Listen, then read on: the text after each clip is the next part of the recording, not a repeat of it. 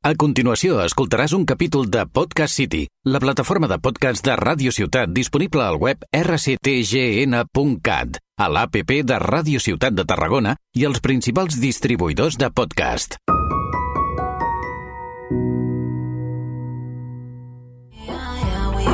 És el moment, però demà de tu. Vam créixer confiant en el demà, però en el demà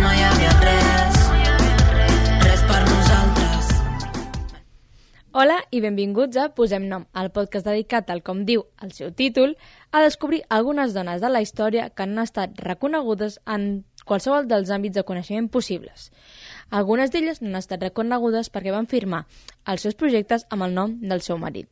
D'altres els van ser robats o es van fer famosos per homes sense donar-los crèdit, o bé perquè en el moment de la història o el segle ni tan sols era possible en la ment de la societat que les dones ho poguessin fer. Tal com ja sabeu, mitjançant les xarxes socials de arroba nom tant a Instagram com a Twitter, us dono algunes pistes sobre quina serà la protagonista del programa. Així que espero que hagueu pogut endevinar la protagonista del dia d'avui i pels que no les heu pogut llegir, doncs us les repeteixo i així us posem una miqueta en context. La dona d'avui pertany al regne d'Itàlia i està relacionada amb la filosofia i l'escriptura.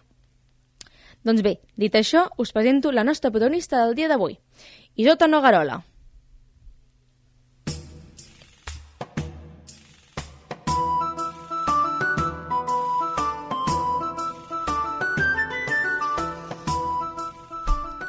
Nascuda l'any 1418 i morta l'any 1466, totes dues dates a Verona, Itàlia. Isota va ser una humanista, intel·lectual i escriptora. Primer posem una miqueta de context per entendre doncs, la seva figura i tot el que l'envolta.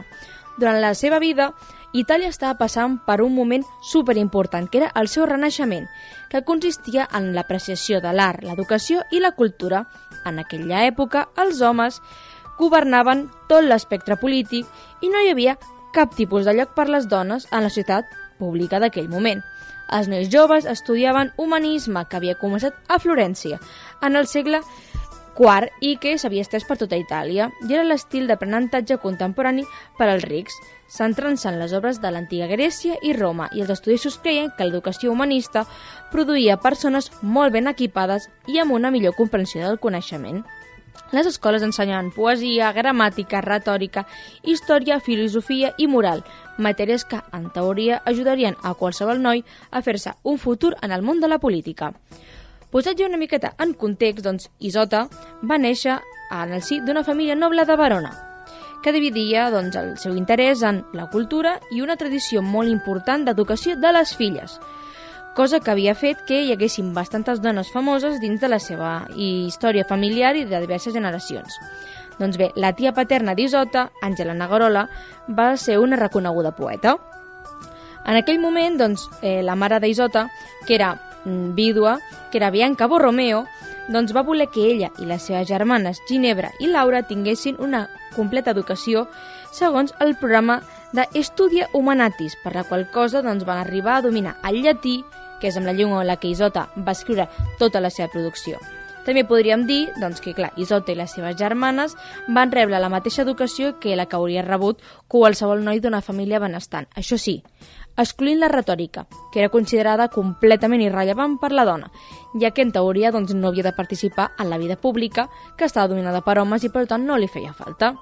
Als 18 anys, i això és una data com a molt important per a l'època, és que Isota ja era superfamosa, doncs la seva eloqüència en llatí era molt respectada i la seva fama provenia de la seva erudició i originalitat.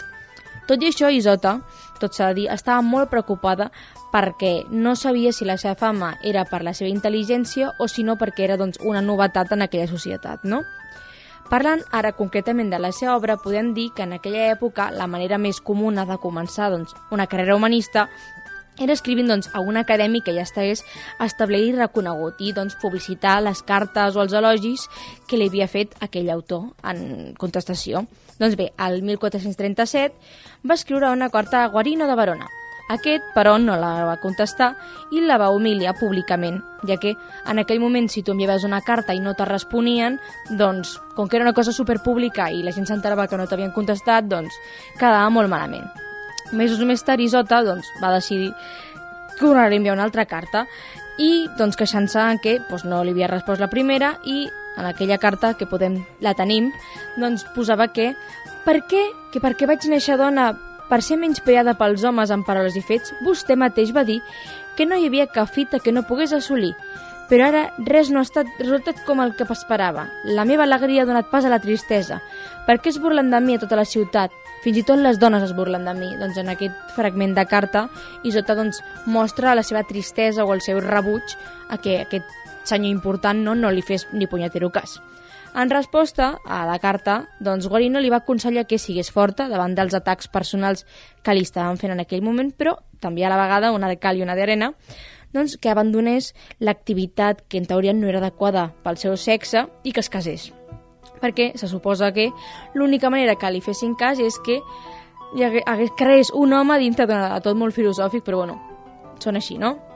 Doncs, aquí, com sempre, d'aquí quin problema hi ha és que saber per què. Per què he triat aquesta senyora i no a una altra. Doncs bé, tornem una altra vegada. Oh, quina sorpresa! Doncs problemes històrics envers la figura de la dona, difamació, etc. No?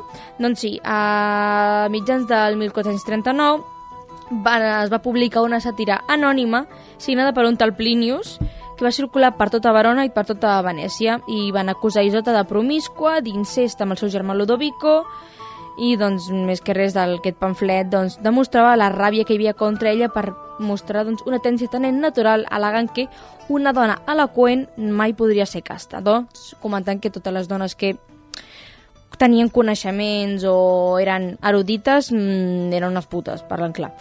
Però bueno, no passa res. Cansada del rebuig que hi havia a la seva ciutat, Verona, doncs, Isota va decidir marxar a Venècia a veure si tenia una miqueta més de sort, ja que aquella ciutat suposadament era més oberta, ja que era un port comercial molt important, que hi havia moltíssimes bones persones, catedrals, palaus, hi havia molt d'intercanvi de coneixements. Doncs bé, gràcies a marxar a Venècia va augmentar tots els seus coneixements i també la seva fama, però, doncs clar, el seu nadon, el seu gènere, tenia encara molt de pes. A Venècia no s'hi va estar gaire temps i al final va acabar tornant a Verona a viure amb el seu germà i tota la seva família. Al 440 va escriure a l'humanista Damià del Borgo, una llista de grandíssimes gestes de del passat, més que res ensenyant no, a moments o persones de la història, no? principalment dones, doncs les amazones o dones erudites, doncs fent-li preguntes com, escolta, i aquestes dones que t'estic jo llistant no l'han superat eh, en eloqüència i en virtut els homes del mateix moment, no? Vull dir, podríem dir que va ser com una llista com de reafirmació de, mira, hi ha hagut totes aquestes dones a la història que han sigut com a molt importants, manegares que, que existeixen, no? En el següent any, en el 1441, doncs Isota va optar per renunciar completament a la vida pública. Es va tancar a casa seva amb la seva mare en una propietat que la família doncs, tenia fora de la ciutat de Verona. Això sí, va continuar els seus estudis i cada vegada es va centrar més en el que són llibres sagrats i va doncs, mm, centrar-se en això, no? en plan, més coses eclesiàstiques, tot i que sense abandonar la literatura clàssica de grecs i romans. A partir d'aquesta reclusió, doncs, els seus corresponsals llavors sí que la van considerar més sàvia, ja que, doncs, com que s'havia tornat més religiosa, realçant les virtuts cristianes com la pietat, la salivat i la virginitat, doncs sí, justament aquí és un dels problemes, no? En la ciutat de l'època sí que estava ben vist i era molt important i tingut en compte que una dona s'adediqués a l'estudi, però només si seguia doncs, un model inspirat en el Montcat, vull dir, una vida monàstica. Què, què, què vull dir jo amb això? Que en aquell moment sí que s'acceptava que hi hagués com una dona que tingués coneixements, això sí. Si era doncs, una dona casta, pura, que no tingués problemes, que no sortís pràcticament de casa. Això sí, però ser intel·ligent i escriure i tal i tindre una vida pública plena, no, això no. Això no, no serveix. Quan al cap acaba sent el mateix, però bueno, no passa res. El 1451, després de 10 anys de complet silenci públic, va veure a la llum la seva obra més important i més coneguda. Un diàleg que es titula De pari aut impari evae ataque de peccato. Vale.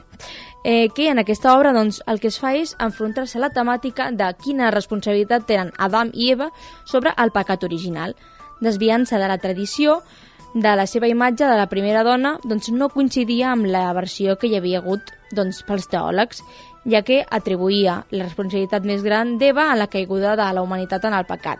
Doncs bé, Isota va construir aquest tractat sobre Adam i Eva en forma de diàleg, prenent doncs, un intercanvi de cartes amb un amic seu, que era un polític lletat valencià que es deia Ludovico Fossiriani. I doncs d'aquesta discussió personal, doncs cadascú va prendre una, una part, no? Eh, Isota defensava doncs, la postura d'Eva i Ludovico defensava la d'Adam.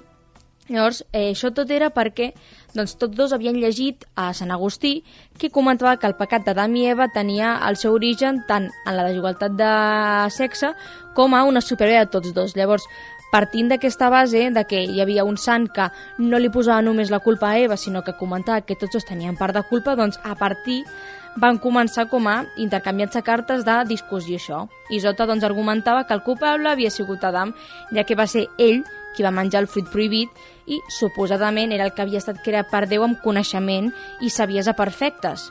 En canvi, suposadament, doncs, Eva era doncs, feble, ignorant per naturalesa i per tant doncs, no podia haver pecat o el pecat era més lleu.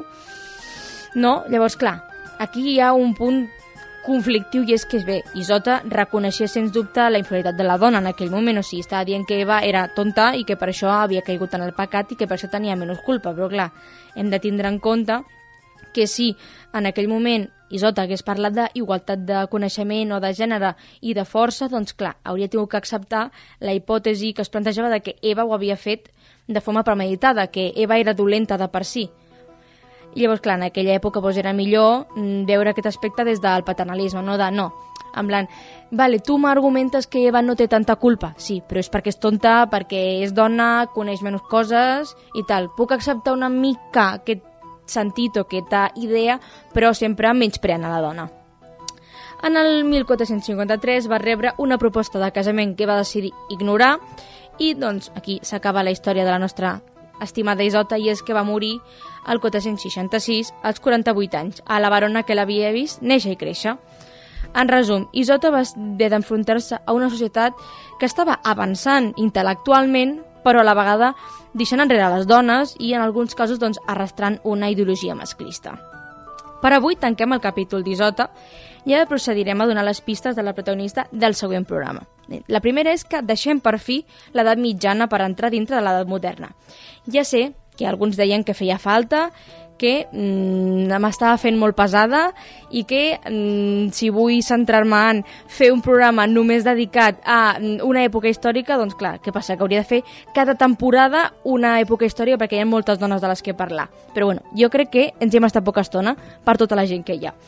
Però bueno, com que no s'ha pot fer tot en aquesta vida, us comentaré una llista de dones que he trobat que, si teniu temps i teniu ganes, podeu doncs, investigar per la vostra, pel vostre compte i així doncs, us informeu una miqueta més, ja que jo, per desgràcia, no he tingut temps de fer-vos un programa específic.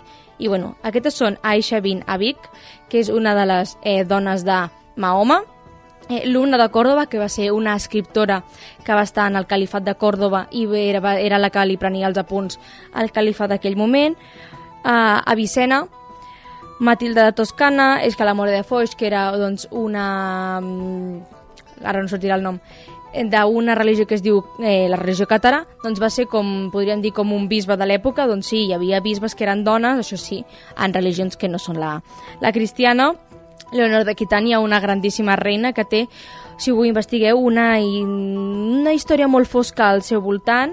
Jacoba Felicé, que va ser una metge molt important de, de l'època, que fins i tot la van, eh, va tindre un judici perquè, doncs, clar, estava practicant medicina sense tindre com suposadament els coneixements titulats i per últim Cristina Pizan, que va ser una de les dones més importants i dels primers llibres de feminisme que es van escriure en aquell moment, que és La querella de les dones. Si ho investigueu, doncs totes aquestes dones tenen molts punts interessants i que, doncs, això, com he comentat, llàstima que no he pogut parlar d'elles i tindrà un programa específic per cada una, però bueno, jo us recomano moltíssim que les investigueu.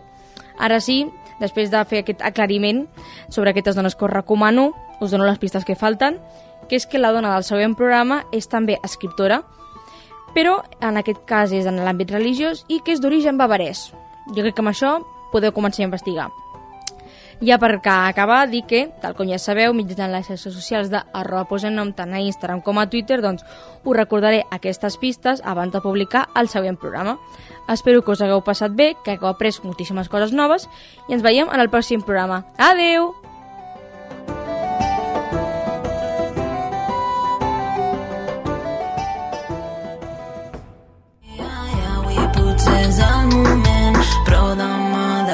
S'obliden. Vam créixer confiant en el demà, però en el demà no hi havia res. Res per nosaltres. Has escoltat un capítol de Podcast City, la plataforma de podcast de Ràdio Ciutat disponible al web rctgn.cat, a l'APP de Ràdio Ciutat de Tarragona i els principals distribuïdors de podcast.